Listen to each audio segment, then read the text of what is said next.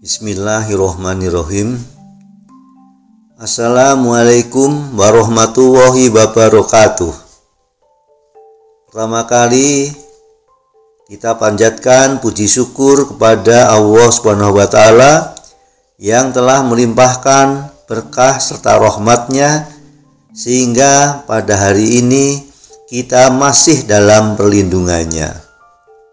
Juga semoga selawat dan salam terlimpah pada junjungan kita Nabi besar Muhammad Shallallahu Alaihi Wasallam.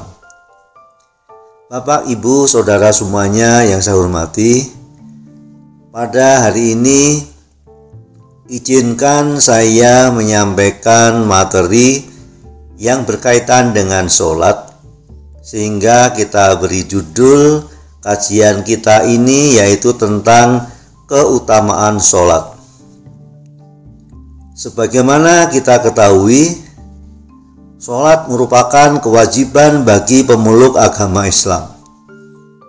Rasulullah Shallallahu Alaihi Wasallam bersabda, sholat itu seperti sebuah tiang di dalam agama. Hal ini dapat diibaratkan seperti sebuah rumah.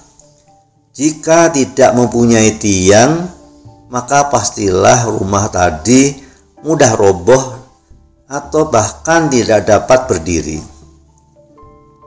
Mengingat betapa pentingnya sholat, maka orang yang sedang sakit pun tetap diwajibkan sholat sesuai dengan ketentuan atau sesuai dengan kemampuannya.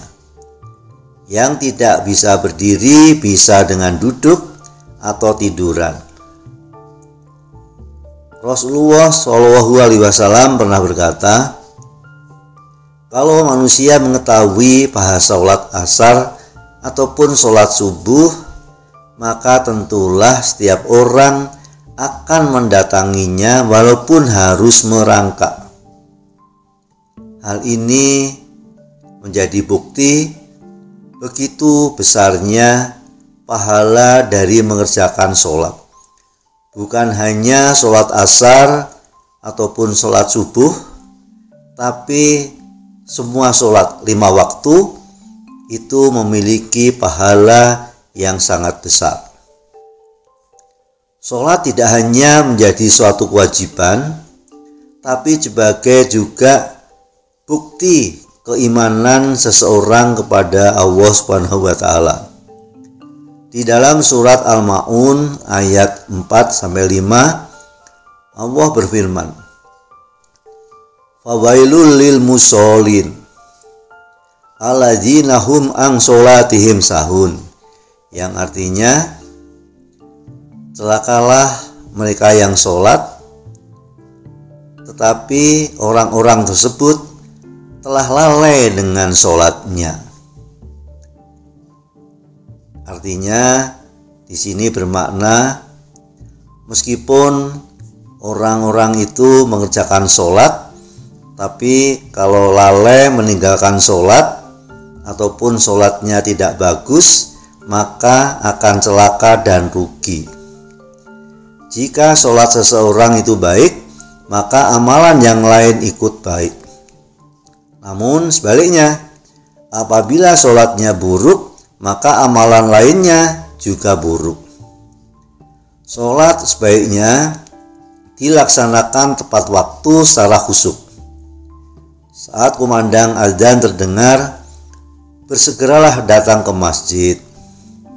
Atau apabila berhalangan, bisa sholat di rumah. Tapi lebih utama adalah sholat di masjid. Untuk perempuan pun Demikian harus segera sholat diutamakan sholat di rumah tapi boleh di masjid. Sebagai tiang agama, sholat di sini memang sangat penting artinya. Namun selain sebagai tiang agama, sholat juga berfungsi mencegah dari perbuatan keji dan mungkar.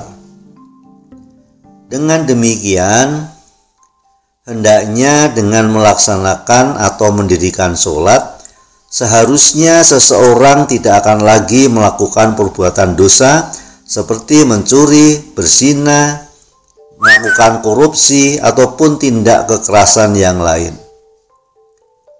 Bila belum bisa mencegah dari perbuatan keji tersebut, maka hendaknya sholatnya diperbaiki lagi dan lagi sampai sholatnya itu mampu mencegah dari berbagai macam perbuatan dosa.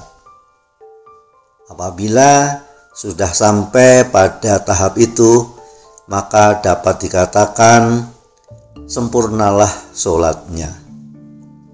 Bapak dan Ibu, saudara semuanya yang saya hormati, demikianlah materi singkat yang dapat saya sampaikan mengenai keutamaan sholat. Semoga bermanfaat. Wabillahi taufik wal hidayah. Wassalamualaikum warahmatullahi wabarakatuh.